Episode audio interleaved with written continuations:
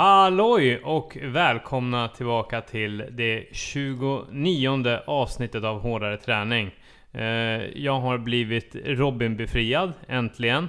Eh, och istället för eh, att han infinner sig här, den metalbusen, så har jag en riktigt skön snubbe med mig här som ska eh, Ja, har massa sjuka saker, spännande saker på G som han har att berätta och eh, är ju en eh, träningsälskare av rang, precis som jag. Med mig har jag här alltså Viktor Byr. Viktor, kan inte du berätta lite grann vem du är? Hej! Vad gött att jag får vara här. Jag är en ehm, löpare får jag nästan säga nu. Jag har sprungit i fyra år med någon sorts mål. Som föredrar att springa hinderbana. Lite Mm. hobby-ultralöpare och någon sorts halvprofessionell hinderbanegubbe. Som jobbar heltid med utomhusträning på ett gym som heter The OCR Gym. Och just nu är jag riktigt, riktigt trött i underkroppen. För jag håller på att springa den här jäkla julkadensen. Ja, fy fan. Vi är alltså på lucka 19 idag. Ja, Eh, Gött. kan vi bara berätta lite grann. Julkadensen handlar, går alltså ut på att eh, man för varje datum i december fram till julafton ska man springa det antalet kilometer som datumet säger. Så en kilometer första december, två kilometer andra december och så vidare. Och både du och jag är inne på lucka 19. Precis, så det har ju börjat nu. Ja, Det började väl i förrgår skulle man kunna säga Ja, ungefär. Då, Den stora utmaningen. Med fem dagar kvar, det har gått 19, så börjar den stora utmaningen. Ja. Varför gör du det här för då? Jag vet inte, jag tyckte det lät som en jättebra idé. Jag hade inte så mycket för mig på den här delen av året Nej, träningsmässigt. nej, nej. Nej, man måste ju fylla liksom de här sista dagarna innan jul med någonting. Ja men det känns som att man kommer ut lite. Och det känns så enkelt. Ja men en kilometer och två, det blir så himla lätt vecka den första veckan. Ja, Och nu så börjar det bli riktigt segt. ja. Vad är det roligaste med att hoppa på såna här dumheter då? När man blir klar. Ja. Som med all träning. Du sa att jag är en träningsälskare, det är jag kanske också givetvis. Men jag är nog mer en efter träningsälskare. Ja. Jag gillar ju inte innan och under träning så mycket. Nej, det, ska, det kan väl liksom... Det är väl bara ett fåtal gånger som man kanske känner det här, det här... Nu är det riktigt mysigt under tiden, eller i början, eller i mitten liksom. För det Precis. mesta så handlar det om att eh, överleva, så att man får den där euforiska känslan efteråt. Ja men exakt. Och den här stoltheten som man kan få varje dag av att bara känna att man har gjort något fast man inte ville. Mm. Det är lite som att betala en p-bot varje dag utan att bli av med några pengar. Mm. Man känner såhär, fan vad gött, ändå bra Ja. gjort. Precis. Eh, men vad fick dig att börja träna från första början? Jag behövde byta eh, intresse i livet lite. Mitt intresse kretsade väldigt mycket kring att skjuta undan mig själv och mina riktiga känslor med olika typer av eh, lagliga och olagliga droger. Jag kände väl att det är... Ja, hade några vänner som dog och sådär och det var liksom... Det är inte så... Jag vaknade varje morgon och kollade mig i spegeln och hatade den personen som stod där. Mm. Det var ju jag då. Så det är ganska... Det är en rätt tråkig plattform att bygga någonting på när man står och med självhatet upp till knäna och ibland upp, långt upp över huvudet. Mm. Man står i något sorts mörkt hål och bara skjuter ut massa negativ energi. Mm. Jag kände väl att jag förtjänade bättre. Mm. Så lite av en slump så började jag bara springa runt i skogen och gå på lite utomhus gruppträningspass. Och ju mer jag gjorde det, desto mindre höll jag på med andra grejer. Mm. Och till slut så, ja, jag stängt inga dörrar helt. Jag tror inte man ska säga jag ska aldrig mer dricka eller aldrig mer göra något så här. Men nu är det liksom 99,9% träning istället. Och Mm. Jag tror jag kanske varit full en gång i år eller två. Och det har gått bra de gångerna. Mm. Förra året var kanske full fem, gick åt helvete en. Så ändå, det är positivt. Ja, det är en positiv trend. ja. Ehm, men var, var det någon annan person i livet där som introducerade till träning eller var det liksom du ja, upptäckte det själv? Jag har tränat väldigt mycket som ung. Så jag hade ju någon sorts bild av mig själv att jag var väldigt vältränad och liksom jag är så genetiskt disponerad så att jag ser ganska så vältränad ut utan Mm. tröja hur jag än mår. Ja. Det är så här rutor på magen och... Men det visade sig att man kunde ha rutor på magen och vara extremt otränad. ja. Så det var en barndomsvän som hette Jorge Lattoff som som tog med mig ut i början. Jag skrivit lite till hans bror och jag vet att han de är på med hinderbana och. Jag skrev till Jorge, kan inte jag få hänga med någon gång? Hans bror svarade aldrig. Men Jorge skrev ju direkt, ja absolut kom och kör. Vi kör i Slottsskogen ikväll tror jag. Liksom, jag bara hoppade in i någon här utomhusträningsgrupp där. Och då hade jag varit ute och sprungit med några festkompisar innan en gång. Vi hade sprungit Änggårdsbergen. Ja. Kom med 300 meter tror jag, sen spydde jag. Så. ja. Så det var, jag satt, när jag skrev med honom där med Korsjö och skulle gå på det här passet så satt jag i källaren på mitt galleri och rökte gräs och tänkte jag får kolla det kanske händer någon gång i veckan. Men Ja. Så han sa kom ikväll så kör vi. Så jag tog mig dit och det var ju svinjobbigt. Gräs är ju inte prestationshöjande direkt. Så Nej. Men jag överlevde det och det var roligt. Ja. Jag kom tillbaks. Om du, du började träna på riktigt för fyra år sedan. Alltså du har ju kommit ganska långt. Du ställer dig ju liksom i elitledet på Tough Viking och liknande. Ja men det gör jag. Det är Ja, ju lätt att smyga sig in där. ja Nej, jag men nu, jag hör väl hemma där nu för tiden. Ja. Men jag, det är också det. Jag var väldigt, väldigt vältränad som ung. Jag åkte inlines actionlandslaget. Höll på lite med MMA och sådana grejer då efter inlinesen. Mm. Så jag har alltid sett mig själv som en väldigt vältränad person. Och jag tänker att vad vi än ska göra så är det 90% in i huvudet. Om vi ska gå och hålla en föreläsning eller gå på ett kundmöte eller anställningsintervju. Om vi ska köpa folköl utan lägg. Vad vi än har för känsla i huvudet när vi går in i det sammanhanget. Den känslan kommer att hjälpa oss så himla mycket. Så jag såg mig själv som vältränad person för fyra år sedan när jag började springa. Mm. Så jag tänkte varje gång jag kunde springa 300 meter trail och stod och spydde vid ett träd att jag inte orkar göra sex ronder tabata eller kanske två med armhävningar. Jag tänkte det är något fel. Jag Mm. måste fortsätta tills felet går över. För jag kan detta. Mm. Jag ska klara av att göra 6 gånger 20 sekunder armhävningar. Det ska inte vara några problem för mig. Ja. Att jag inte kommer upp med hakan över en enda, kin, en enda gång. Det är något fel. Så jag får bara försöka tills felet Mm. är åtgärdat. Mm. Det, det där är ju kanske en... Det där är ju en typisk tröskel som många personer kanske inte tar sig över. När de upptäcker att de blir... Eh, att de inte klarar av någonting så... Och jämför, då jämför de sig med andra och sen så hoppar de av tåget. Ja. Och det är väl därför man liksom blir en period där man, man kanske lyckas träna några gånger i rad och sen så ser man, märker man att men det här var jag dålig på. Den där personen är bra på det. Nu skiter jag i det här. Ja men precis. Jag tror det är också så att väldigt mycket i samhället idag går väldigt, väldigt fort. Och jag tror att vi lever i en värld där man tänker att allt ska, det som är bra och viktigt, det går fort. Vi kan ladda hem en app och så kan vi skriva våra kreditkortsuppgifter och så trycker vi allt vad vi kan på skärmen och sen får vi tre lika och så vinner vi 10 miljoner och så är det färdigt. Ja. Eller vi tar en tablett och så mår vi jättebra. Eller vi drar en lina och så mår vi ännu bättre en liten stund. Men det funkar inte riktigt så med träning. Träning tar väldigt lång tid Mm. att få någon effekt av. Men om man håller ut den tiden så är ju det, det kan jag garantera, den skönaste känslan man kan ha inne i huvudet.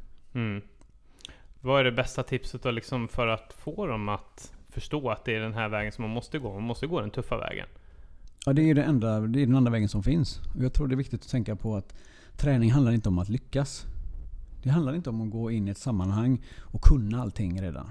Det är charaden och skådespeleriet, det kan man göra på jobbet. Mm. Man går dit och så bara jag är jättebra, jag är världens bästa chef och så sitter man och gråter på kontoret. Men i träning handlar det om att faktiskt misslyckas. Mm. Och det är okej att göra det. Mm. Du vill ju inte gå på 20 träningspass och lyckas 20 gånger av 20. Då är, får du ingen träning. Då gör du saker Nej. som din kropp redan klarar av. Du måste göra saker som din kropp blir utmanad av och som den tycker är jobbigt. Lyft någonting den har problem med. Spring lite fortare än vad den vill. Spring lite långsamt men kanske längre än vad den egentligen vill.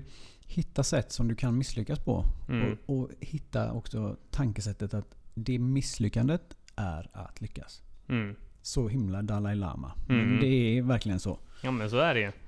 Och inte fan finns det ett, eh, en platå där man är klar. Alltså Nej. den finns ju inte heller. Nej, Utan det är ju inte målet heller. Nej. Resan är målet. Ja, exakt. Och inte förrän man ligger i graven så är man klar liksom. Nej men precis. Och Det- enligt vissa är man inte klar då heller. Nej, Men eh, nej. jag tror det. Precis. Ja. Men det är ju så att det är ju det är många som liksom eftersträvar det här att eh, den här till slut ska de liksom få eh, när de är klara. Ja men eh, jag är klar när jag har sprungit det och då får jag vila liksom. Men så funkar det ju inte och ju förr man inser det desto bättre. Det kan ju liksom också vara de, Jag tror att alla behöver förstå att även eh, eliten är ju aldrig klara. Eller liksom bara för att den personen har nått så långt de kan göra 10 muscle ups när du kan göra en kind. Mm. De är ju inte klara. Nej. Utan de ska ju fortsätta också. Ja. Alla är ju i en process av att förbättra sig själva hela tiden. Precis. Ja. Och det är det som är det fina någonstans med träning. Att om man inser det så får man ju så extremt stor och snabb utdelning. Ja, Som man kanske vill ha men begränsar sig från med lite fel inställning till det. ja precis. Du har ju faktiskt kommit idag från ett av eh, dina gruppträningspass. Ja, Precis idag. jag kom precis från Jonsered Ja, hit.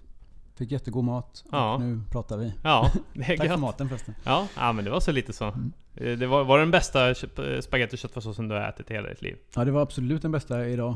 Ja. 100%. Den okej. här veckan också. Ja, ja, ja. Riktigt det, strålande. är, det är good enough. Jag är ingen eh, mästerkock, så det är gott betyg. Det det kan det bli tror jag. Ja. Det var riktigt fint. Jo, Ja. jag har varit i Jonsered Ja. och eh, hållit utomhusträning. Ja. Mitt gym, The OCR Gym. Vi jobbar med ett tidsbaserat koncept.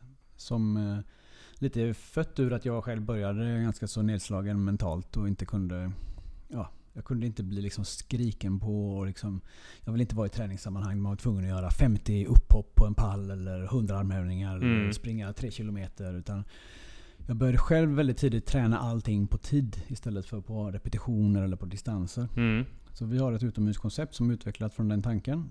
Så att var och en kan vara med i sin egen takt. Vi har grupppass där människor som precis har ställt sig upp i soffan har tränat tillsammans med Mattias Borg och Tobias Jäger och ja. Sara Trolt och andra grymma elithinderbanelöpare. Och alla får ut lika mycket av passet. För vi håller oss på samma plats och så länge tiden går så gör var och en sitt eget bästa. Sen kan man välja på de stationerna där man varvar så att säga och kommer in till buffén som vi kallar det. Kan man välja allt från en till 15 repetitioner av flera olika övningar. Mm. Man kan välja att göra fem övningar eller en. Och sen så ska man ut till fots igen på en slinga och så tillbaka. Så Mm. det går lite runt, runt. Det är som den makalösa manicken. Det är som en evighetsmaskin. Mm. Fast med ett stopp.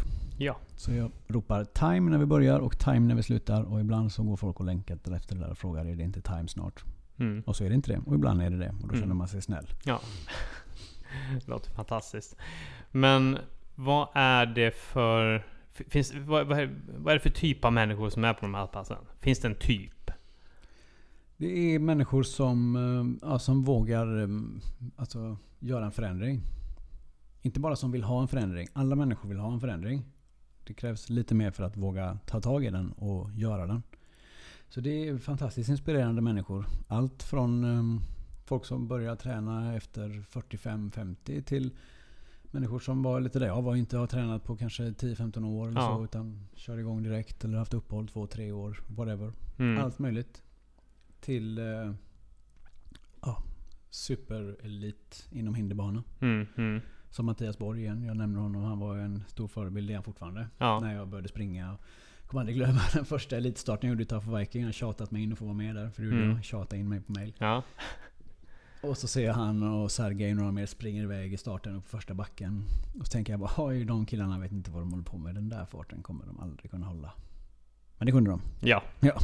Det är, fascinerande. Det är, van, ja, men det är vansinnigt. Det, det går...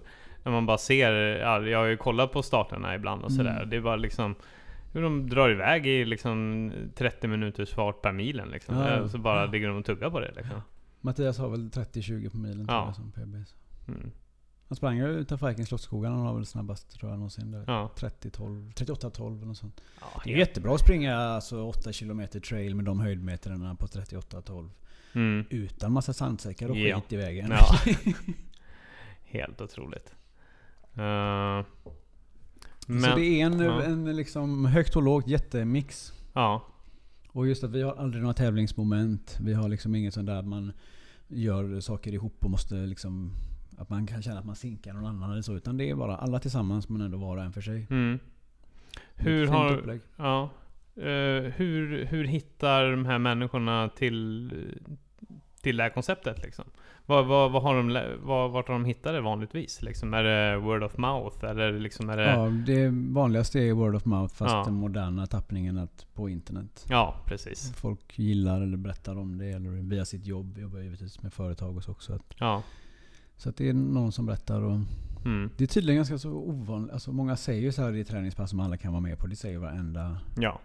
crossfit-gym. Ja. Och sen kommer man dit så ska killar lyfta en viss tyngd och tjejer en annan tyngd. Ja, det känns det som blir- att man är på stenåldern plötsligt. Ja. Men vi har ett sånt koncept. Mm. Och du kan göra det hur jobbigt du vill. Och du kan även promenera och det kan vara jobbigt nog. Och det är okej. Mm. Det är liksom för alla. Mm.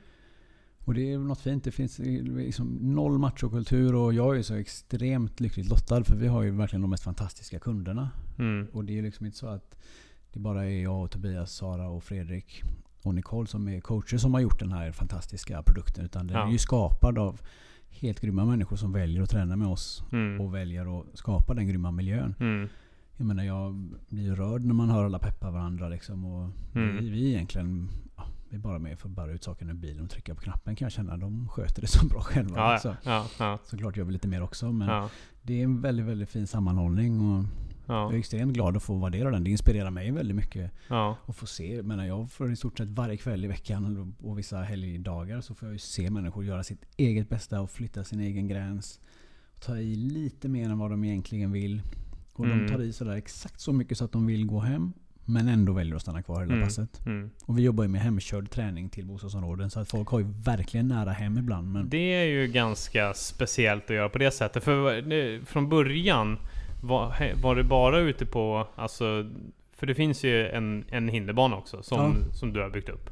Det finns det i Eh, Bohus. Ja, precis. Var, var, det där, var det där det första stället som du började på? Eller började, började det med utomhusträningar på olika Jag platser? började på olika på en plats. Det var i Slottsskogen. Ja, ja. Det Ja, började egentligen med att jag gick väldigt mycket på rave på den tiden. Och ja, tog del av en helt annan typ av buffé. Ja. och var uppe sent. Och så blev jag så frälst av träningen och jag insåg att jag mådde så bra av det. Liksom började tänka mycket mer positivt. Och, så jag gick ju där lite och mina kompisar kallade mig för ravarnas Kalle. Wahlström. Ja. och jag började träna människor därifrån, lite vänner och bekanta så där, hjälpte dem liksom. Och, så kan inte vi prova någon det du gör och sådär. Och vadå, kan man, jag kanske inte orkar hänga med dig. Så, vi är på samma ställe, det går på tid. Du behöver liksom inte, det är ingen som springer snabbare än någon annan. Utan Ja. var och en i sin egen takt. Och de bara tänkte, fan vad nice. Så jag började träna lite vänner så. Och i Slottsskogen mestadels. Och sen så växte det ut från det. ja. Då skaffade jag lite utrustning sen efter ett tag. Jag hade en sån säckkärra som jag konkade runt på Mm. bussen. Jag vet inte, Jag kommer ihåg exakt vad jag hade på. Jag hade ett battle rope, så här rep som man daskar Ja. med. Det var lite mer cirkelträning då, så avslutade vi med löpning liksom Ja, runt. Så här. Det var en rätt crappy produkt faktiskt. ja. Men jag hade ett sånt rep och så hade jag en 20 kilos kettlebell, en slamball på 8 kilo, en 12 kilos kettlebell, hopprep. Ja, det var lite sådana små grejer, några små koner. Mm. Så körde vi lite cirkel och så där. Jag drog den där kärran runt omkring och sen var det en kompis i Marklandsgatan som ville ha lite PT-pass. Jag vet att han mådde lite cast och det kunde jag ju uppenbarligen relatera till. Så jag drog hem kärran till honom till hans område. Och det är fortfarande än idag en av de bästa grupperna. Massa grannar anslöt, hans Ja. vänner där och sådär. Ja. Så det är ett grymt ställe. Vi kör två gånger i veckan, Marklandsgatan, varje torsdag Ja. och varje söndag. Så Ja. det är superroligt att det Ja. Växt så. Och sen Ja. bara blev det mer och mer och mer och kärran byttes ut mot en bil och Ja. andra ville hjälpa mig att hålla pass och då fick de det. Och så. Ja. så det är kul. Ja. Det har liksom växt av sig själv lite. Ja. Jag är lite cast affärsman tror jag bara men det, jag tänker att det tar igen sig på slutet. Ja, alltså... ger coacherna nästan, ja de har ju liksom nästan hela intäkten. Ja. Jag tänker det är schysst de gör ju faktiskt det jobbet. De sätter upp flaggan och de håller passet och fixar folken. Och Ja, absolut. jag ja, står men lite för det- utrustning. Jag tror det är bra att ge folk bra ersättning. Jag menar jag har hört om andra så här OCR och andra gym och folk håller pass och så får de liksom noll och ingenting för Mm. det. Det gillar inte jag. Nej, men då vill man ju inte heller vara kvar. Nej, Eh, det känns och, taskigt. Nej, precis. Och då, då brister liksom, sånt lyser igenom. Och man vill inte ha liksom massa missnöjda ledare som springer runt och är buttra över att Nej de men liksom, precis. Ja. Och så vill man jobba med välmående. Liksom. För mig handlar träning om att må bra psykiskt och känna liksom stolthet. Att man vaknar varje morgon och ska kolla sig i spegeln och känna så här. Tjenare, fan vad gött att se dig liksom. Mm, Då tycker inte jag man ska känna sig liksom lurad eller utnyttjad i något steg. För då mår man inte bra i huvudet liksom. nej, Känner sig nej, ovärd på något sätt. nej. Precis. Och hur många ställen var det ni hade det på nu? Vi har det i Göteborg så är det i Slottsskogen. som var det Mm. första. Och så Marklandsgatan. Och så har vi Eriksberg i Sala Trolte. Mm. Kör där. Det är lite vinteruppehåll nu. Får ni ut och reser. Ja. Vi har även vid Jonsered. Ute i Bildal. Örgryte. Och sen så på hinderbanan i Bohus. Ja. Och i Tranås kör Fredrik Blomqvist. Och vårt senaste pass också, inte glömma. Det han är så snabb så man glömmer bort honom. Det är Ja. Tobias Jäger som håller pass på måndag, Mm. måndagar på Ullevi. Den naturliga talangen och spurtaren utan dess like. Raketen. Ja. Jag har inte vågat mig till hans passen men jag tänkte att jag sko- det blir på andra sidan året. Då Ja, det är ju, kan jag ju tillägga också. Det är ju vårt enda pass som är uttalat så här. Möjligen inte för alla. Det följer vårt Ja. tidsbaserade koncept men det är riktigt, riktigt tufft. Ja. Jag har inte gått på det själv än för jag har ju ett annat pass. Jag Ja. har ju det som ursäkt. Mm, mm. Ja men det är lite kul att man ändå väljer att, eh, att ja, låta det vara lite nischat på sina ställen också där det kan krä- Ja, behövas liksom. Så att det verkligen blir för alla liksom. Ja men exakt. Ja, För då har vi många som är elit och som vill ha lite värde. Så ja, ja. vi kommer även efter nyår nu börja köra lite mer löprundor som, eh, som kommer vara också elitfokuserade. Okej. Att där måste man liksom ja, kunna springa en viss distans. Och, Ja, så då blir det ju verkligen som du säger. Det blir för alla, inte bara för... ja. Är det trail som gäller då eller är du ute i Ja, det stan? blir och, eh, eller? mest trail. Ja. Lite så urban trail, liksom offroad i Slottsskogen. Så lite Ja. asfalt in emellan. Men Ja, jag har ju några riktigt knäppa runder som jag ja. körde i början. Jag körde nästan bara upp och ner för backar i början. Ja. Finns inte det bygger ju syreupptagningsförmåga. Och jag har ju bara sugit i mig ja. joints i all oändlighet i många, många år. Så jag började bli bra på att andas igen. Helt klart. Eh, vad, är, vad är liksom... eh, har du någon här drömvision om vad du vill att Ocearium ska ta vägen om tio år? Liksom? Ja men absolut. Jag tänker att då eh, Kanske i framtiden så kanske vi har omklädningsrum. Ja, Kanske har lite Ja. inomhus också. Men det är ganska coolare att vara det enda gymmet som bara Ja. har omklädningsrum. ja, Så har man centrala omklädningsrum i olika bostadsområden runt om i eh, hela Europa. Till att börja med. Och varje gång någon ser en skylten eller ett klistermärke på en stolpe eller på en krogtoalett eller en väst på ett lopp. mm, Så ska de veta att där finns en människa som jag kan prata med och få hjälp med min träning. Oavsett om det är en coach eller någon som bara är ambassadör för oss och springer lopp med västen. mm, Så ska alla veta att det är människor som ser positivt på allas rätt till en bra kondition. ja, För det är det enda vi handlar om. mm, Det är, jag har fått så grymt mycket fördelar i mitt liv av att förbättra min kondition. Och nu vill jag ge tillbaka till alla som var schyssta mot mig när jag började träna. mm, Som Thomas Amneskog på Activitus, Tisdags Trail och Dimitrios, Rickard och Maria. Alla de här som har stått oändliga timmar uppe på toppen av backar och väntat på mig. mm, Så nu, den behandlingen jag fick i början var så extremt fin. Så att mm, det är hela min mission med det här gymmet. Det är att såklart tjäna massa pengar. För det måste man om man är ett bolag. Så man kan Mm. fortsätta göra mer grejer och fortsätta ge folk extremt bra betalt. ja, Men ja, också sprida ordet om att alla har rätt till en bra kondition. Ja. För det är det enda det handlar om. mm, Sen råkar vi komma 16 på elitklassen på hinderbana i år. Och vi har kommit 16 på 24 timmars VM hinderbana. Och Mm. um, Tobias Jäger vinner alla lopp han ställer upp Ja. i. Och Mattias Borg också. Och sådär. Så ja, att ja, det är också en bonus. ja, ja, men verkligen. Men vi vill vara de som folk associerar med att man kan få hjälp och inspiration Ja. med sin träning helt enkelt. Ja, vad är det vanligaste som folk kommer till er för? Är det liksom bara att komma igång och röra sig? Eller är det liksom jag vill gå ner i vikt? Eller jag vill ha bättre kondition? Eller jag vill bara liksom hitta en ny form av träningsglädje? Liksom. Vad, vad, är det de, vad är det de söker efter? Ganska varierande. De flesta PT-kunderna vill bli bättre på hinderbana. Ja, Och då kan man inte träna med någon som tränar på ett bättre sätt i Sverige. Det är jag helt övertygad om. Det är bara att se på, på Jäger. mm, Han var duktig på att springa och sen så lärde vi honom hänga i saker. Och så action, run, touren och topp på toughest. mm. Jag gillar att du inte är rädd för att slå dig för bröstet. Instantly. Nej, men det är ju också, jag tycker det är viktigt. Alltså Ja. Sverige får man inte säga att man är bra på Nej, nej, nej, nej. Vi Nej. är riktigt bra på det vi håller på Ja. med. Då ska man Till kunna stor- säga det. Till stor del för att vi har förmånen att ha så grymma människor runt oss. Men Mm. folk tänker så ah, men de gör sån här enkel träning, alla kan vara med i gulligull. Folk har ju skrivit och dissat och hållit på med oss på internet. Men Ja, sen det det är bara att titta i elitstartfältet i resultatlistorna. Om man vill spela tuff så står det Mm. ju där vem som kommer var. Det är väldigt enkelt. Ja. Nu tar jag bort din fråga för jag skröt så mycket. Eh, jo, vad är, det, vad är det vanligaste målet eh, som folk har när de kommer? Ja, just det. Vissa vill bli bra på hinderbana givetvis. Men annars så är det bara att de har hört att eh, Ja, ett, vi kör hem gymmet och lägger det på gräsmattan Ja. utanför porten ibland bokstavligt talat. Och det känns som att då blir de så här, ja men nu har jag faktiskt inga mer ursäkter. Och så mm, ja, gillar de konceptet av liksom att var och en i sin takt. Och det blir någonstans eh, automatiskt rätt så tuffa pass liksom. Det blir hård träning för att någon sätter upp ett mål mot sig själv, de tävlar mot sig själva hela tiden. Mm. Och försöker komma längre på varje, kör man är fem minuter och sen är fem minuter till vill man försöka jaga sig själv liksom. Så jag brukar säga så här. Tänk att ni har en, ett hologram av er själva som hela tiden ligger två steg framför. Försök springa igenom det. Ja.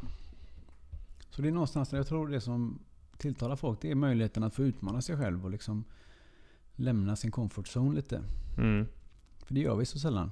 Vuxna människor får krypa runt på alla fyra i sanden. De får kasta bollar allt vad de kan i marken Ja. och hänga och dingla. Det är roligt. Ja. Kroppen blir överlycklig och huvudet också. Men varför, varför hänger de inte på... Vad, vad, vad tror du gör att de... Eh, vad tror du att det är som gör att de inte går in på det här mysiga varma gymmet då?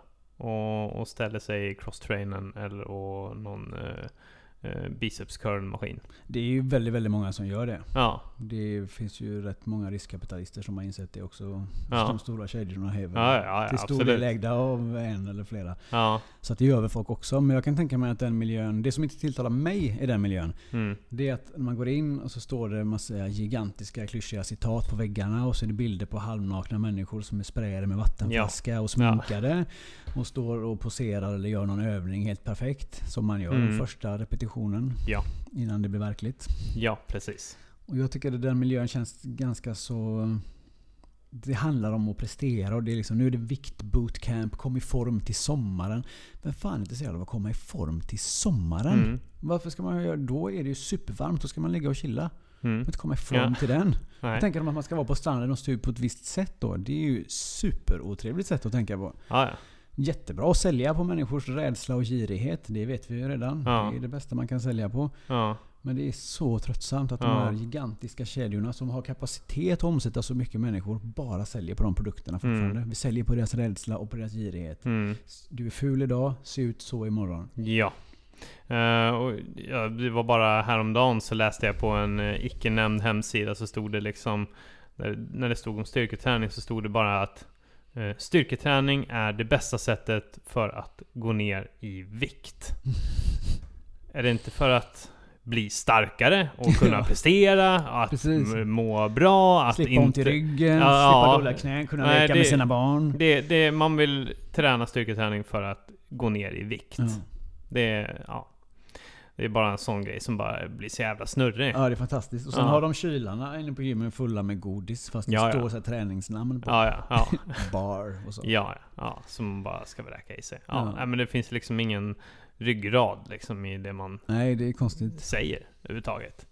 Så det är därför det blir så jävla förvirrande liksom. Ja. Och det är därför man aldrig känner sig igen sig när man går på gymmet. Ja, jag tränar extremt sällan eh, inomhus. Alltså. Ja, Jag gjorde en del förra vintern. Då hade jag en sån här app så jag kunde gå på lite olika ställen. Men sen så slutade jag med den. Och sen dess har jag inte varit inomhus Nej. alls. Jag har en bastu hemma. Så att, ja men man, sitter, man är ju för fan inomhus åtta timmar om dagen. Om man, Exakt, om man har ett sånt jobb. om man har ett sånt jobb. Liksom. Ja, så liksom, och då väljer man att köra gymmet så att man verkligen minimerar här risken för att få i sig frisk luft. Ja, liksom. Så att, så att liksom, inte ens när man rör på sig så ska man liksom andas. Nej, exakt. Man ska springa en timme men inte komma någonstans. Nej, nej, nej. Ja, det är det bästa. man vill, ja, nej det. Löpandet var ju dessutom uppfunnet som ett tortyrredskap från Jaså? början. Okej. Ja. Det kan ni googla på. Ja, det lät ju intressant. Ja. Vilket det, det Det måste jag också googla på. Det kan ha varit en halvsanning. Ja, jag ska googla ja. på det efteråt. Ja. ja.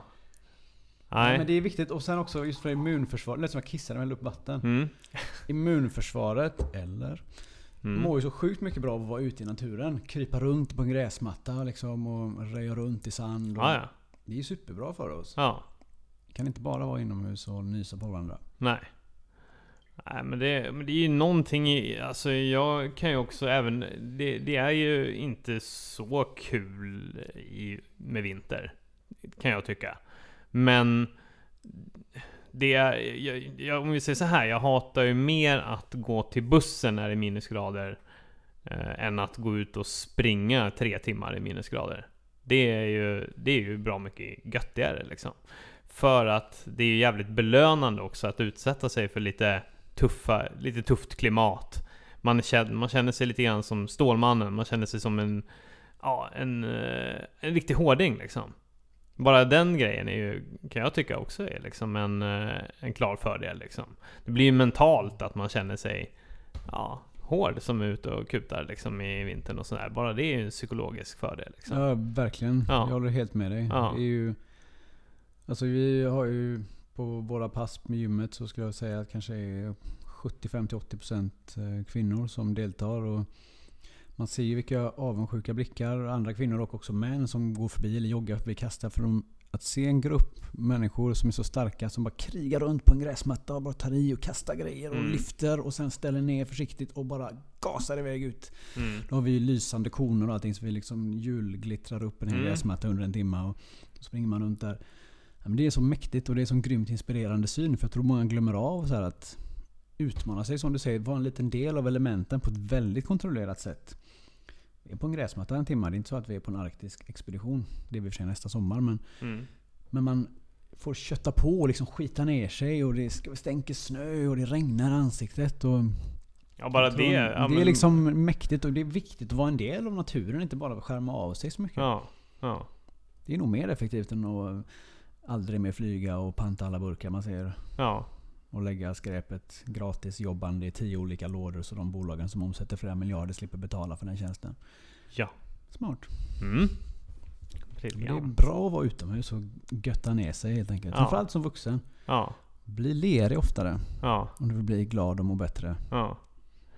Vad skulle du säga är din bästa liksom, träningsupplevelse utomhus? Har du någon sån här, den här, det här, det här träningspasset eller den här, det stället som jag sprang på då var liksom toppen liksom?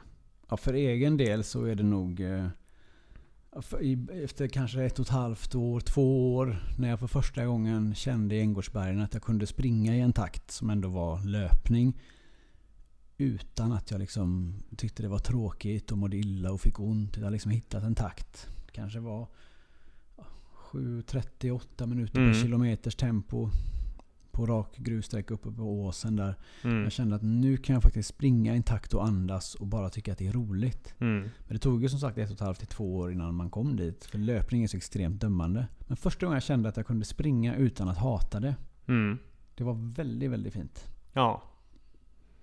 Ja, nej men det är ju så alltså. Folk vill ju gärna, de vill bli löpare på två månader liksom. Ja. Man måste veta att det är en lång och tuff process, men det, Ja. det måste man ju älska på något sätt. Ja.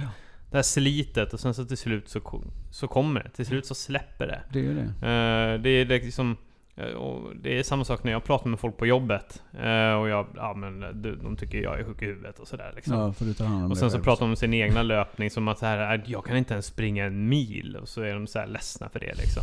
Fan, nej men det är ju skittufft. En mil är långt som ja, fan. det Det tar, ju, det tar ju skitlång tid att komma dit. Precis. Alltså man får ju bara omfamna den här processen. Börja på något riktigt smått och håll kontinuiteten.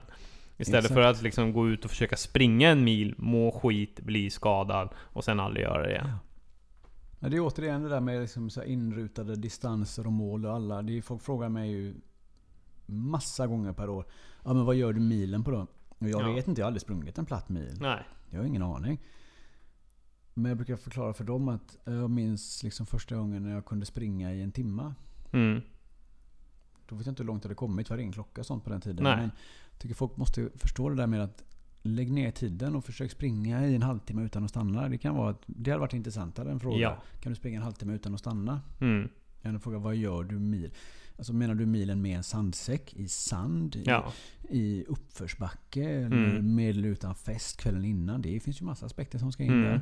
Mm. Går inte att svara på så rätt upp och Mm. ner. Ja men det kan ju vara så här. folk frågar vad jag gör milen på, och sen kanske jag berättar liksom, och sen så bara ja fan, Ja. jag gör den bara på 55. Ja men ska Så de bara, jämföra äh. sig direkt? Ja, bara så här, ja, ja. det är ju och- supersnabbt ja. om man kan springa en mil på 55 minuter. Ja, ja men, Jättebra gjort. ja, det tar ju liksom Ja, det är alltid, alltid det där liksom Ja. att så här, ja, okej, då ska de bli så här besvikna över liksom, fan Det finns ju folk som gör det på 28 jag, ja, jag kan ju, det- och på det- 30 som Mattias sådär. Man ska liksom inte...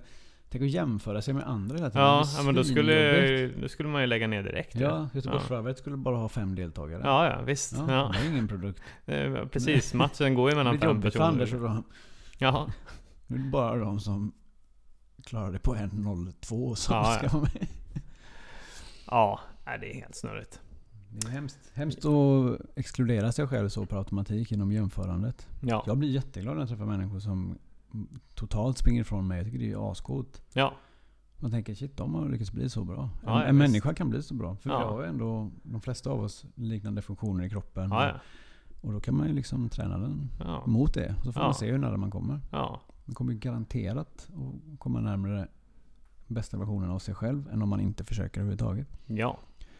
Och folk som säger att jag har dåliga knän, jag har dålig rygg. Och jag tror inte att någon har en enda dålig kroppsdel. Men man har ju Nej, nej. säkert väldigt många kroppsdelar där ute som inte används. Ja. Och det är som att ha en gammal bil. Ja, jag har inte tankat den här bilen på 20 år men jag förväntar mig att den ska gå perfekt. Mm. För börja med att fylla tanken. Kanske inte fylla tanken med cigg och bärs liksom. Nej, det, då kommer man inte långt. Nej, Nej. prova med lite vatten och en frukt. Mm. Låter kul. Mm. Kul! Men du, någonting som låter jävligt kul. Det är ju den här träningsresan som du har på gång. Och det, är- det är liksom, det är inte... Det är inte sandstränderna i Grekland vi snackar om. Det är inte liksom Plaitas eller liknande, utan... Det är någonting lite, lite kargare, kanske man kan säga. Ja men det kan man säga. Ja, kan inte du berätta lite om det? Jo men det- såklart. Det är, vi är ett gym som eh, ja, inte vill göra som alla andra. Nej? Vi vill inte göra några tråkiga saker. Det är ju säkert jätteroligt att åka ner till solen också och dricka drinkar och Ja, göra burpees och lägga upp saker på Instagram. Men vi ska åka till Svalbard. Vi har en barndomsvän, som, två stycken som har bott där uppe och jobbat många år. Så Mm. genom dem och deras nätverk så har vi satt ihop en helt grym produkt. Mm. Deras bokningskompetens och ja, vänner där uppe i form av guider och liknande och lokalkännedom. Plus vårt träningskoncept och fantastiska kunder som direkt hoppade på det här flera stycken. Så ska vi till Svalbard i juli, går första gruppen 2019. Svalbard alltså. Ja, Hur, hur, vad, är det för, vad är det för människor som har hoppat på det här? Då? Fantastiska människor. Visionära, Ja. underbara personer. Ja, Allt från jättevältränade löpare till människor som precis har börjat köra med oss. Ja. Allt som, precis som vi vill att gymmet ska vara. Högt och lågt. ja, Eftersom återigen, konceptet öppnar dörren för alla. Ja. Du får ta i precis så mycket som du vill och vi är på samma ställe jämt. Så. ja, Framförallt på Svalbard har vi isbjörnsvakter runt varje ja, pass. det är perfekt.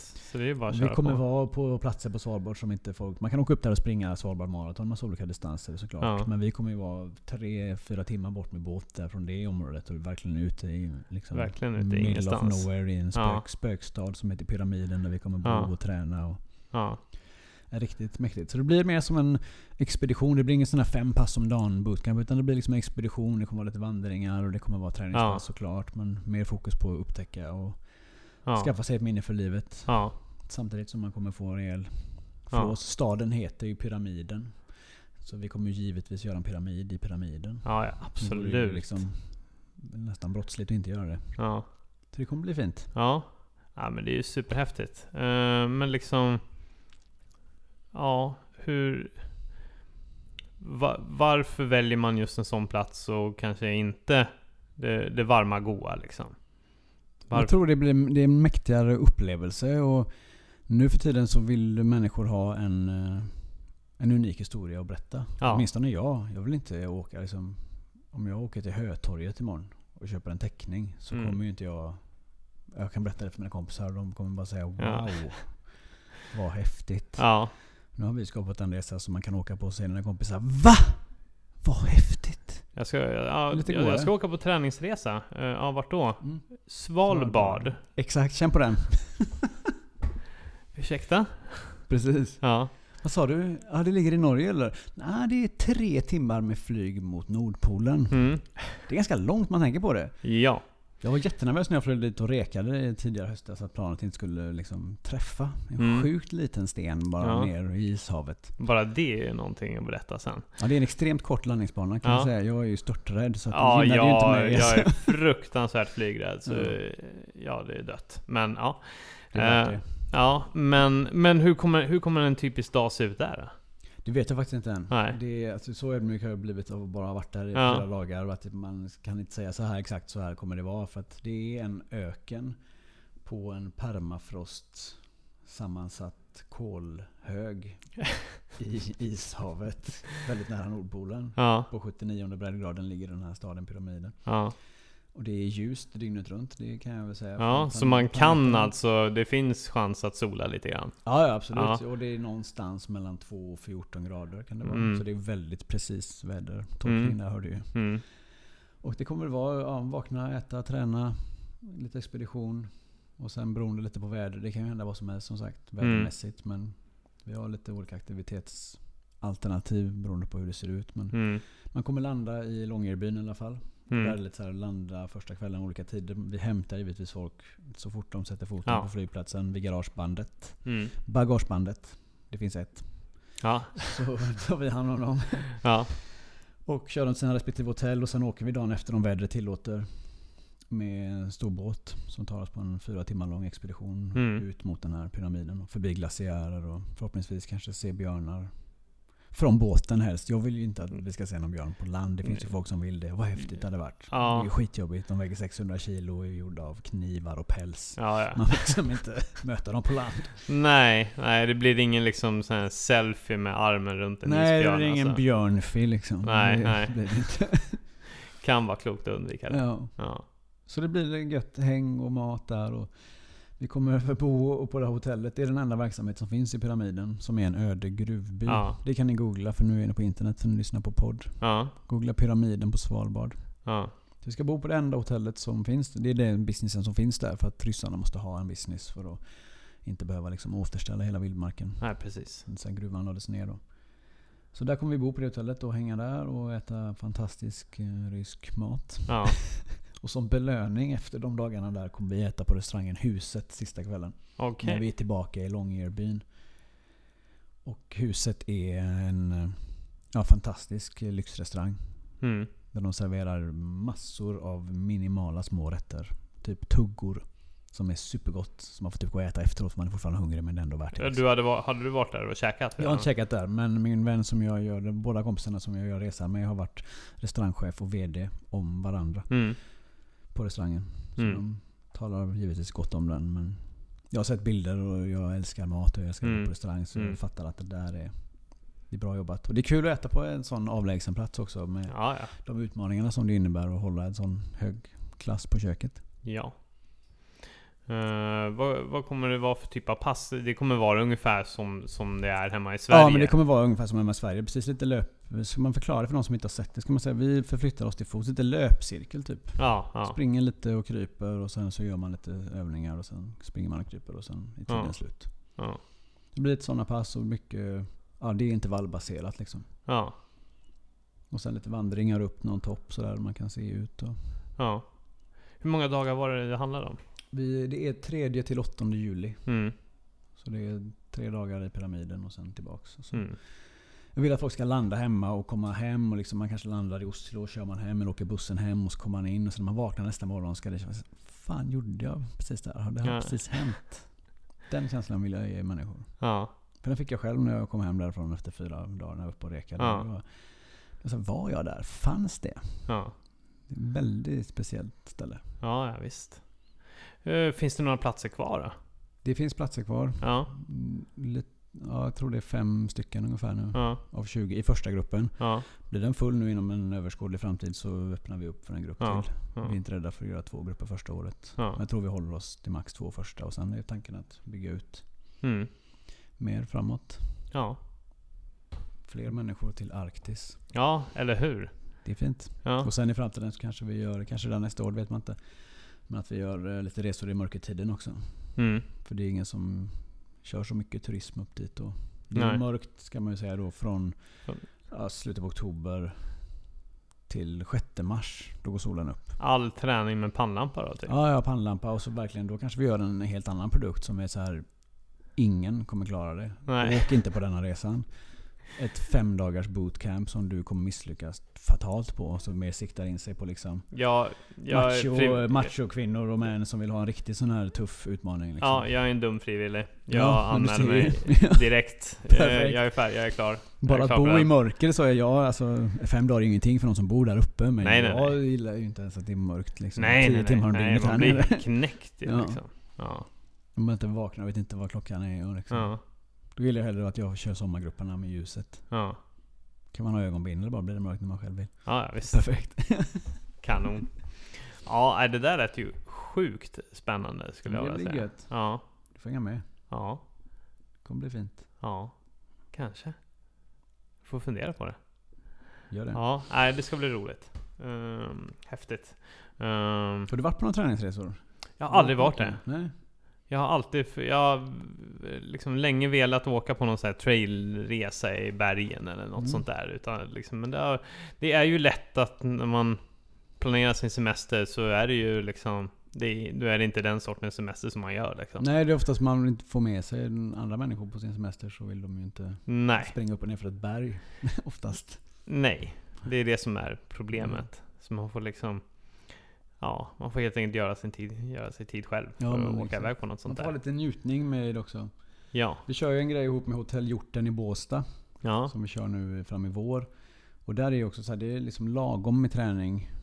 Kontra liksom bubbel och gött häng på det här pensionat Hjorten som är superfin jättevilla vid stranden. mm, Och jättegod mat. Så det blir så här bra balans. Så man kan visa liksom att träningsresa behöver inte vara värsta bootcampet. Utan mer nej, bara njuta och ha det gött. Och mm, Det är gött att hänga på Båstad off-season när det är liksom mm, inte så mycket folk och inga Nej, stockholmare precis. som sprutar champagne på en. nej, det, det kan vara jobbigt när man är ute på löpturen. Ja men det är ju det när man Ja. inte vill ha champagne. Det vill man Ja. i och för sig alltid ha. Ja, ja. Nej, precis. Ja, nej, men grymt. Men eh, hur ser liksom träningsåret 2019 ut för dig då? då? Jag har för... inte tänkt så mycket på det. Nu Nej. är det den här julkalendern som ska avklaras. Sen tänker jag nog uh, köra mycket längdskidor och skridskor. Ja. Under typ januari, februari. Ja. Inte springa så himla mycket. Nej, det känner du lite matt på nu liksom. Ja men lite så. Sen också vila lite de musklerna lite och utmana andra. Ja. Längdskidor, har du åkt det förut? Ja, 100 meter när jag var liten. Ja, Liksom. ja, det jag har är- köpt allt nu omgående. Det har tagit mig tre månader att köpa allt. Först skidor, sen pjäxor och så nu stavarna. Ja. Vart har, har du haft fått något tillfälle att åka än? Nej jag har inte det. För jag håller Nej. på med den här jäkla julkalendern. Ja. Sätter käppar i hjulet ja, allting. bokstavligt talat, alltså. Ja. Det är tur att den inte kom i någon träningsperiod för då hade den förstört allting. Ja, ja, ja precis. Ja, Men jag tänker det är nära till. Ulricehamn typ sen och de spåren var ju redan snö har jag hört. Borås. Borås ska vara Helt bäst. fantastiskt. Jag har åkt Ja. ganska Är det snö där nu? De har kanoner och sånt också va? Jag vet, jag vet inte om de har riktigt fått till det. Eller jo, men det, det, har- det har varit skidåkning i alla fall. Sen så vet jag inte Ja. hur det är nu. Nu Ulricehamn har nu vet jag. Ja, Två och ja. en halv kilometer. Det känns som att det räcker ju. Ja, absolut. Så tränar man Alltså- lite så kör man lite intervaller. Ja, det är ju perfekt för intervallträning. Sen, Mm. så, Ja men det är det. sen så brukar ju Borås faktiskt ha, de brukar ju ha några kilometer på sina spår när det är lite Okej. bättre väder. Ja, ja. liksom. Perfekt. Får hoppas verkligen att det fryser till nu, för jag vill ju också ut dit och köra. Ja. Kan vi Eh, köra ihop? Men du har kört mycket va? Ja, jag har ju, jag har kört, jag har åkt eh, Nattvasan, Ja, ja. eh, öppet spår och Vasaloppet fall. ja. Med eller utan pannlampa? Eh, på Nattvasan, Ja. då valde jag faktiskt att ha pannlampa. Ja, det, kändes, Ja, det kändes dumt att inte göra det. Det jag var ju redan fruktansvärt... Eh, En silva eller? Hade du en silva? Ja, exakt. Ja, fan vad rätt alltså. Ja. Bra grejer. Ja, ja men absolut. Eh, problemet är ju, det var ju inte att det var det var mörkt utan att jag var en ganska kass skidåkare. Så jag, Ja, det är ju det som kommer bli stora utmaningen för mig. fantast, Fantastisk glid. Ja, det är farligt att det är bra glid när man är en dålig skidåkare. Det känns som man vill ha dåligt glid. Ja, enklare då. åtminstone till en början. Ja. Men där var det, på Nattvasan var det så krispigt glid så jag bara Mm. hade ångest i varje nedförsbacke. För dessutom så var det ju alltså Även ifall man har lampa så ser man sig inte hur långt fram som helst. Nej, nej, så det jag vet ju inte när det slutar den här backen. Så jag, Mm. ram, jag rasade ju kanske 15 gånger under det loppet, du la dig bakåt av liksom rädsla eller? Ja, Ja. lite så. Tappade balansen för att man var lite nervös i nedförsbackar Ja. och så här. Det är ju, ja nedförsbackar kan ju vara klurigt i början. Ja, det Men kan eh, jag tänka mig. Det finns samtidigt- riktig broms. Kan man ploga eller hur fan gör man? Ja, man får ut med vä- vänsterbenet eller högerbenet i spåret. Kan man göra. Ja, man så- lyfter ur det. Ja, precis. Och då kan man välja... Snurrar man inte då? Eh, nej. Det, nej, man, det, man ska ju inte ploga. Det är bara liksom... Man Nej, kan bromsa ner lite grann bara liksom. Men det är ju en risk att när man går helt och hållet plog så kan det... Då blir det shaky. Ja. Och då kan man korsa skidorna Och liksom. då är man ju... Så det gäller att hitta den där balansen. Correct. Men du, du kommer ju dra, du kommer ramla så jävla många gånger. Men det får du ta. Ja, ja, Det är en del av processen det också. Exakt. Det är Ja. det jag skulle bli Nu åkte jag skridskor för några veckor sedan. Då trillade jag inte en enda gång. Nej. Det var lite efteråt bara, fasen det här var inte så bra. För nu bara gjorde jag det jag kunde liksom. Ja, Jag skulle gjort lite mer så Ja. jag inte klarade av det. precis. Men det var också jobbigt. Jag fick träningsverk. Ja. Av, jag åkte um, sju kilometer i zon 2 liksom. Mm. Superlugnt. Och sen så åkte jag några snabba varv. Mm. Kanske höll på i en timma Mm. total tid liksom. Ja. Och hade sån träningsvärk i låren Det kan jag och tänka mig. rumpan och... Fan. Jag bara yes, det fungerade liksom. Ja, Riktigt bra. ja, där snackar vi om att man helt plötsligt tränar muskler som man inte har gjort på Nej, väldigt men länge för att man bara springer. Man springer, det är bara rak, Ja. rakt fram liksom och sen helt Exakt. plötsligt ska man ut med benen kors och Ja tvärs. exakt, och liksom. sitta lite mer sittande och löpningen Ja. då har man ju så perfekt hållning och steg hela tiden. Ja, precis. Ja, ja, man har en Varenda otrolig gång. löpteknik så här Ja det är sjukt så aerodynamisk så folk liksom bara Vad är det ett rådjur? Nej oj det Ja. var en människa. Ja, What? precis. Ja, det kommer du också få känna av när du börjar köra längdskidor. När du, speciellt när du diagonalar. Ljumskarna kommer få, få sig en match. Jag ser fram emot det för det är där jag blir trött när jag springer långt. Mm, All, mm, all, allt jag har sprungit som har varit längre än 5-6 timmar mm, Då är det ljumskarna som det första som Ja. liksom Mm. stoppar. mm. Det blir bra. Ja, nej men absolut. Var du Jag- snabbare på Nattvasan än när du sprang Ultravasan? Det Eh, måste du ju varit. ja, det var jag. Ja. Fast inte mycket. Typ Vad åkte du den på? 8-18 på Nattvasan. Men sen, Ja, är, sen, är, sen har jag gjort öppet spår på 7.24. Okej, det är typ en timme och sex minuter snabbare Ja. sprang. Ja, Ja. ja. Eh, men jag... Mitt första Vasalopp var ju långsammare än vad jag ju uh, Ultravasan på. Det. Ja, ja. Men fy fan vad jag... Då, då hade det är jag så svårt med skidor. Då hade jag ju åkt längdskidor i tre månader å andra sidan. Liksom. Ja. Då, då hade jag ju verkligen precis börjat. Hängt i skidom liksom och kört där. Är det liksom. bra där? Eh, eh, bra? Nej, det är det inte. Men det är, eh, det är bra träning. Det Ja. kan man säga. Men det är inte... Man kan inte åka på skidom och tänka liksom att... eh, ja, att nu det ska här... jag komma topp 1000 i Vasaloppet. Nej, för Mm. då, då är man lost. Ifall man bara går från skidom till en riktig skidbacke, då, eh, Ja. då blir det katastrof. För du, Vad du är det får... för snö där inne? Är det någon slushpuppy? Ja, typ. Hittepå-snö liksom. Ja, på snö. Så det är, all, det är alltid så här. Även fast det är minusgrader där inne är det, är det snön som att det är plusgrader typ. Mhm. Alltså det är så slaskigt. Ingen glid. Liksom. Så man får ju Mm. bara... Men skitbra. Alltså man får ju en viss snökänsla. Och man får jävligt bra träning för det är skitjobbigt för du får ingenting gratis. Ja, ja. Längdskidor kan inte du ju... ens kortet har jag sett, jag kollar på hemsidan där. Det får Nej. man inte heller gratis. Nej, inte, inte ens det. ja, nej. ehm, nej men vanliga längdskidor så kan man ju ta ett... Bara ett tag så kan du för fan glida ett par hundra meter liksom. Eh, här är det bara hamra. Liksom. Det är ju bra träningsmässigt. Ja, det är ju skitbra träning. syrar direkt. Ja, absolut. Nej, men så, eh, jag kan starkt rekommendera att ta en liten teknikkurs i alla fall. Alltså. Ja. Det jävlar vad natt och dag det blir alltså. Det gjorde jag. Det, ah, jag gjorde inte det direkt utan jag testade att bara åka själv och bara typ så här. Så här gjorde väl någon på TV någon Ja, gång när jag såg på det och ja, det blev konstigt. Eh, men så bara kom någon och bara rättade till. Eh, Jag tog en teknikkurs och då Ja, det blir, det blir natt och dag verkligen. Ja, för det är så men det otroligt mycket teknik för att ta sig fram där alltså.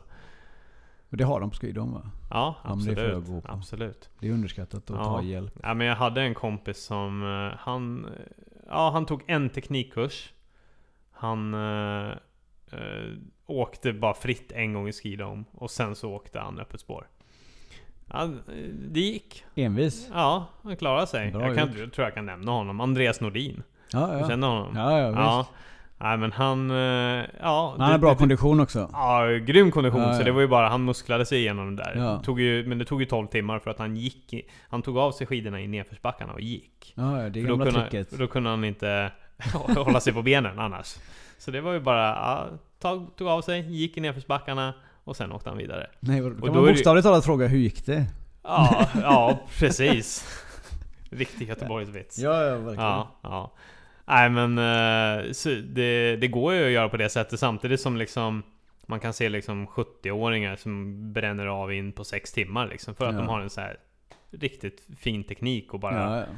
följer med Segla liksom på, och, ja. ja. i nedförsbackarna så bara sätter de sig och så bara åker de med Och det liksom. känns som Det- konditionsidrott och uthållighet framförallt. Det spelar ingen roll att man blir så mycket äldre. Nej. Tröskeln blir ju lägre och pulsen, Ja, maxpulsen blir absolut. sådär. Men du löser alltså. Man Ja. blir ju sällan omsprungen på slutet av en ultra av någon 19 år. Det beror på, jag ligger ju inte så långt fram i Nej, nej. Ju äldre desto farligare Ja, ja känns det som. precis. Ja, ja. Det gäller bara att välja sin, eh, välja sin sport och längd så kan Ja, man vara exakt. igång och utmana hur länge som Ja helst. men det är lite så. Ja. Ja men fan men jag tror väl att det är väl lite grann det vi hade nu Ja. här avsnittet. Grymt. Ja. Du har träffat någon från Sylvesterloppet också? Ja precis. Eh, och gjort en intervju och det kommer spelas upp efter det här. Ja. Liksom, när vi är klara tänkte jag bara. Så avrundas det med det. Perfekt. Kort och gott. Men Grymt. eh, fan. Eh, då önskar jag lycka till med julkadensen där. Och Detsamma. med allt annat gött. Så får vi ta och hitta på ett träningspass tillsammans snart tycker jag. Ja men lätt. Tack Ja. så hemskt mycket för att jag fick komma och berätta om gymmet och Ja, våra fantastiska det var så lite så medlemmar och pass och... Sjukt trevligt. Och Underbart. äh, älskar ditt initiativ och eh, din verksamhet. Den är Tack så grym. hemskt mycket.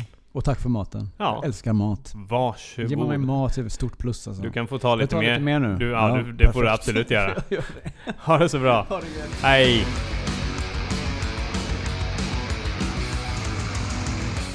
Ja, vi börjar närma oss slutet på det här året. Slutet på loppsäsongen. Men träningen inför nästa år har ju precis bara börjat. Och vad kan vara bättre än att kickstarta det med ett lopp på självaste nyårsafton? Så här har vi en snubbe som eh, är med och arrangerar ett grymt lopp på självaste nyårsafton. Kan du inte berätta vem du är och vad du arrangerar för någonting? Jag heter Jonas. Jag är ordförande i löparklubben Solvikingar som eh, eh, huserar här i Göteborg. Och eh, klubben har funnits sedan eh, om det är 60-talet eller någonting. Eh, sedan 1980 så har vi arrangerat Sylvesterloppet på nyårsafton. Eh, som sedermera har start och mål här på Heden i centrala Göteborg. Eh, det är en 10 km bana och Eh, Eh, vi har cirka 1500 löpare varje år och vi hoppas nå dit i, i år också faktiskt. Det är ju starkt med tanke på att liksom folk laddar upp inför festerna och det är kallt och eh, ruskigt ute. Liksom. Vad, vad är det som du tror gör att varför, varför ställer de sig på startlinjen på nyårsafton så pass många ändå? Det kan väl vara att man vill eh, ladda upp inför kvällen och bara känna att man har, man har gjort sitt i vad gäller motion. Ja, Eh, Det kan vara att man eh, kanske vill ha en grand finale på hela träningsåret med Mm. att smäcka av en mil Mm. innan man fäster av det sista man gör inför året. Eller bara köra en tidig, tidig start inför nästkommande år helt enkelt. Mm. Tror du man blir bättre på att dansa senare på kvällen ifall man har eh, sprungit den här milen? Det beror på förberedelserna inför loppet tror jag. Har man varit duktig och eh, förberett sig inför eh, loppet och stretchat duktigt efter så då kan man nog vara mjuk och härlig i lederna. Så. Gött! Ja. Du, kan inte du alltså jag, är det var ju länge sedan jag sprang en mil och jag är ju liksom lite nervös inför den här kommande utmaningen. Skulle inte du kunna ta med mig ut på några, en liten bit på rundan så jag vet vad, vad som kan vänta mig? Självklart. Gött! Då, Vi stick, kör. då sticker vi!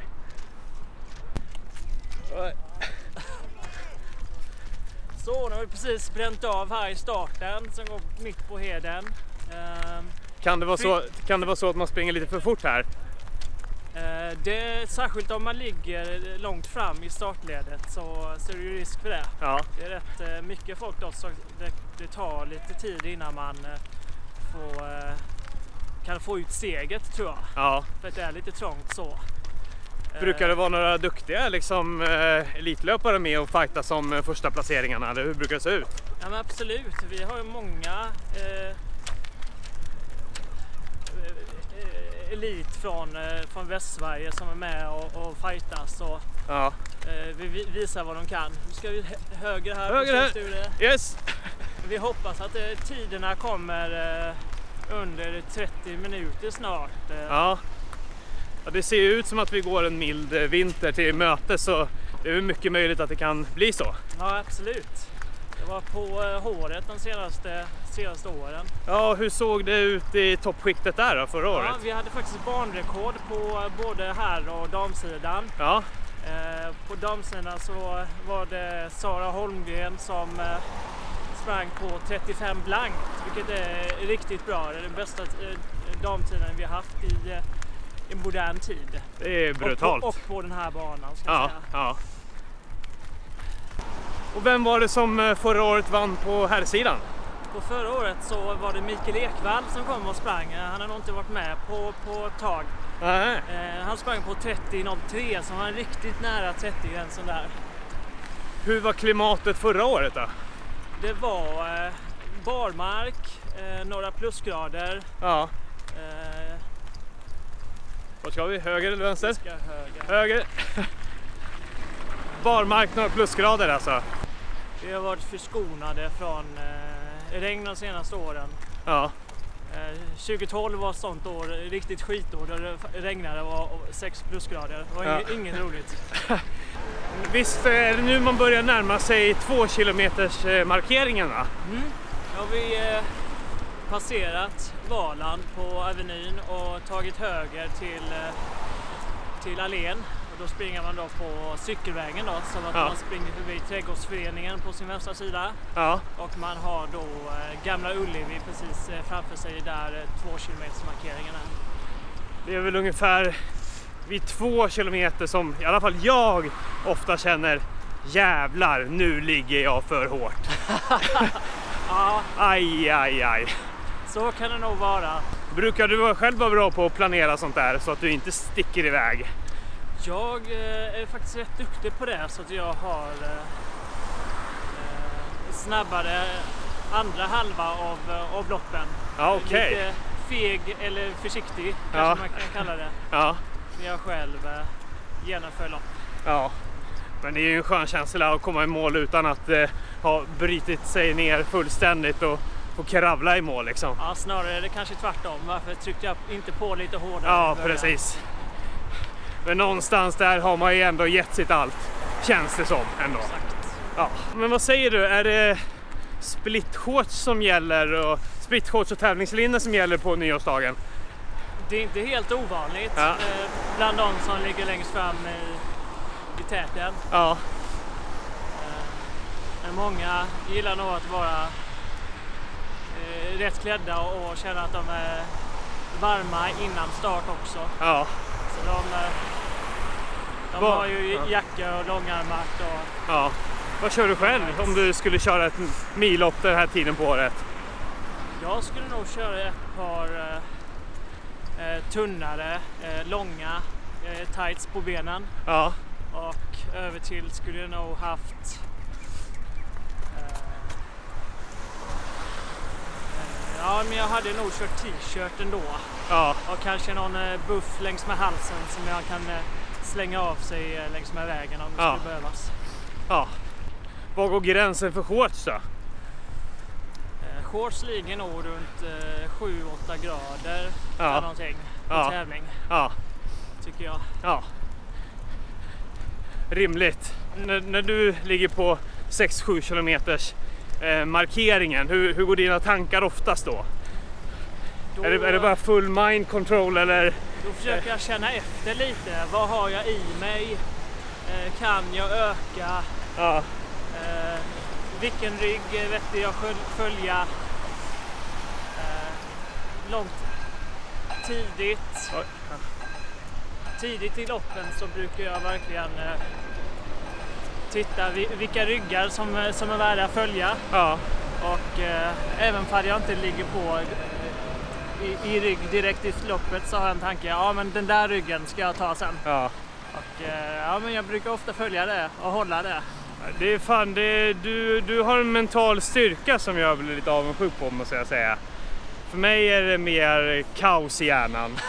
eh, hur, Ja. hur många gånger jag än gör det så, så liksom är det någon sorts krig i hjärnan där jag bara önskar att jag kunde stanna liksom och men jag sliter som ett jävla djur och blir arg som fan. Men, ah, Men det är lite fegisen i mig så gör jag att jag vill ta det lugnt i början men ändå liksom eh, ha, ett, eh, ha ett mål längre fram och inte bli stressad för det i, Ja. i början ja. helt enkelt. Men det kan ju finnas en fördel för då, då slipper du ens de här tankarna att eh, eh, som jag har som är liksom fy fan jag vill bara stanna, är det över snart? Som jag alltid får. Och då, då, finns det, då minskar ju risken att man saktar ner farten också på samma gång liksom ändå. Ja. Hur långt har vi sprungit nu ungefär? Är det 7-8 kilometer? Vi har nog inte passerat 7 kilometer än. Nej. Vi eh, har eh, passerat paradentrén på eh, Nya Ullevi Ja, och eh, vi ska snart eh, ta oss över cykelbron här till eh, Mölndalsån ja, och eh, svänga höger så vi springer eh, vänster om eh, brandstationen. ja just det. Där brukar brandmännen faktiskt eh, stå här, de som har jour och, och heja på faktiskt. Ja, det är gött. kul. Ja, i full eh, brandsläckarmundering då också eller? Ja men självklart de har på sig sin eh, overall. Ja, ja. Men du sa att eh, eh, Solvikingarna så är det, hur många är det som, är det 200 funktionärer eller vad sa du att det var? Loppet kräver 200 funktionärer eh, och då är det förberedelser, det är under loppet och efterarbete efter loppet också. Ja. Eh, Så att det är utspritt på tre dagar kan man säga då. Ja, Men merparten eh, är på tävlingsdagen. ja, Ska vi ut på Drakegatan här? yes. 200 hjältar som jobbar ideellt med att arrangera ett lopp Ja. alltså. Hur, hur, hur, lång, hur lång tid eh, tar arbetet då? Nu tänker jag på liksom när börjar ni rigga med alla grejer? Är det från tidig morgon eller börjar ni redan kvällen innan eller hur ser det ut? Ja, vi håller ju på Oj shit. och riggar hela, alltså mellandagen också. Ja, Då främst med nummerlappar och chippen som ska användas. Ja. Strukturera dem. Eh, dagarna innan så fixar vi till i eh, Ullevi tennishallen där okej. och lägger, eh, lägger eh, Ja. Papp för att skydda golvet där eftersom det är 1500 personer som ska in på det golvet där. ja, ja. Eh, och vi har nummer, nummerlappsutdelning även eh, dagen innan också i eh, Ullevi tennishall. ja, Så det krävs ju också funktionärer. ja. Fortsätter vi på banan här, springer har sprungit förbi Skandinavium, visst är det så? Skandinavien bakom oss och eh, passerar nu Burgårdens gymnasium och framför oss har vi Bergakungen. Gött! Och hur långt har vi kommit då? Vi säger första varvet, då har vi kommit Första varvet har det kommit 4,5 kilometer. Eh, snart, eh, snart fem då. Man är lite kaxig och på gott humör kanske Ja, vid exakt. fyra och en halv. Man kanske ser fram en, eh, en mugg med vatten eller sportdryck som serveras efter eh, eh, varvningen där nere vid eh, Heden. Yes. Och, Och p- på andra varvet så, så är man då på 9 kilometer och har bara den sista kilometern att eh, bränna av. sista adrenalinet som man desperat försöker pumpa in i kroppen för att eh, ta de sista placeringarna kanske. Precis. Ja, Och är man riktigt snabb så eh, kanske man får zigzacka lite mellan de inte lika snabba nej, glada mo- motionärerna Nej, som springer, precis. startar långt bak i startfältet. ja just det. Ja, det kan ju vara en känsla i sig det. Absolut. Ja, helt klart. Men eh, visst var det så att det är ett gäng eh, cyklister också som tappert ställer upp och, och leder eliten? Visst är det så? Ja men absolut, vi har fyra, fem eh, cyklister som, eh, som eh, håller eh, ledar eh, grupperna Ja, så att vi har koll på eh, de främsta i, i, eh, i varje klunga. Så. ja. Ja, kan vara bra när farten är lite högre.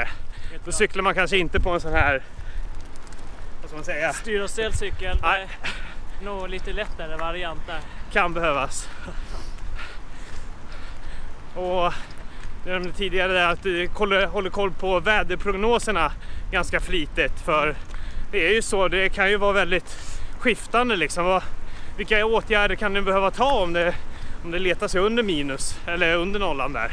Det är väl de akutåtgärderna. Ja. Eh, om det är så att eh, kommunen själva inte hinner åtgärda eventuell eh, snöröjning och sådär. Ja, Eh, då kan vi på bitvis behöva göra det samt eh, lägga på eh, salt och eh, flis då för att eh, se till att det inte finns eh, partier där, man kan, där finns risk för halka. Ja precis.